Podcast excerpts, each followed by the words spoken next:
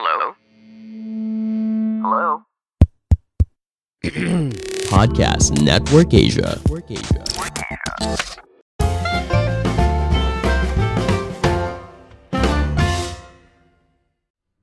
Halo semuanya, kembali lagi bersama saya Madianto. Kali ini kita akan membahas tentang tanda kalau kamu pintar mengatur uang. Mengatur keuangan sekilas terlihat mudah, tetapi praktiknya cukup sulit. Ini terbukti dari masih banyak orang yang serba kekurangan, padahal memiliki gaji atau penghasilan yang besar. Ini karena ketidakmampuan mereka dalam mengelola setiap rupiah yang dihasilkan. Ada saja masalah keuangan yang dihadapi, seolah-olah mereka miskin, tapi sebenarnya tidak. Beruntunglah bagi kamu yang cerdas dalam mengatur keuangan, hidup nyaman dan tentram dengan kondisi finansial stabil meski bergaji pas-pasan maupun di bawah upah minimum sekalipun.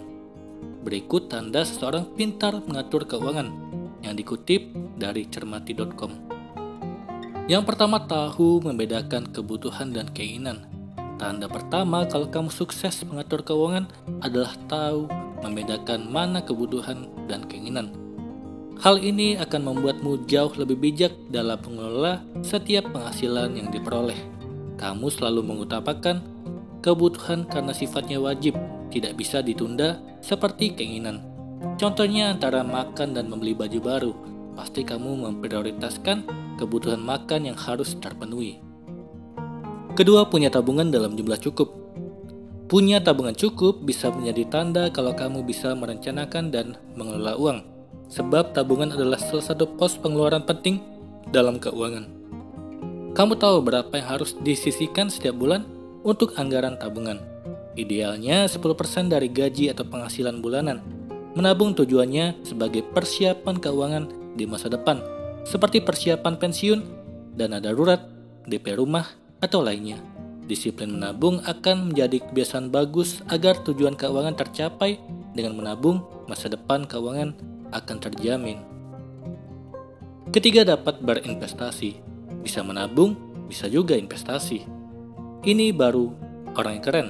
Pasti dapat memutus rantai generasi sandwich sehingga kamu tidak akan menjadi beban untuk anak cucumu kelak. Kamu juga dapat mengalokasikan budget investasi dari gaji bulanan. Besarannya disesuaikan dengan kemampuan finansial. Investasi pada instrumen apa pun yang sesuai dengan profil resikomu, jadi kamu dapat mengembangbiakan uang. Keempat, memiliki proteksi atau perlindungan asuransi.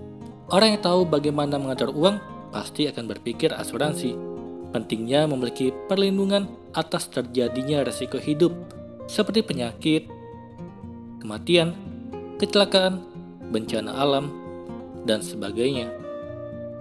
Dengan mempunyai asuransi, kerugian finansial akibat risiko dapat di-cover perusahaan asuransi. Aset kekayaan maupun harta benda yang dimiliki tetap aman. Ibarat kata, inilah investasi untuk menjamin kebutuhan di masa depan. Kelima selalu mampu membayar cicilan utang. Karena mampu mengatur keuangan dengan baik, makanya kamu bisa bebas dari utang Kalaupun mempunyai cicilan, kamu dapat membayarnya karena sudah ada alokasi untuk pembayaran utang. Idealnya 30% dari gaji atau penghasilan setiap bulan untuk membayar kewajiban. Mau gaji hanya 3 juta per bulan, asalkan langsung disisihkan, pastikan angsuran atau utang pasti dibayar. Tepat waktu pula, jadi kamu bisa tidur dengan nyenyak. Kenam anggaran belanja selalu cukup. Tidak perlu menetapkan anggaran belanja yang besar agar jumlahnya cukup untuk memenuhi kebutuhan selama sebulan.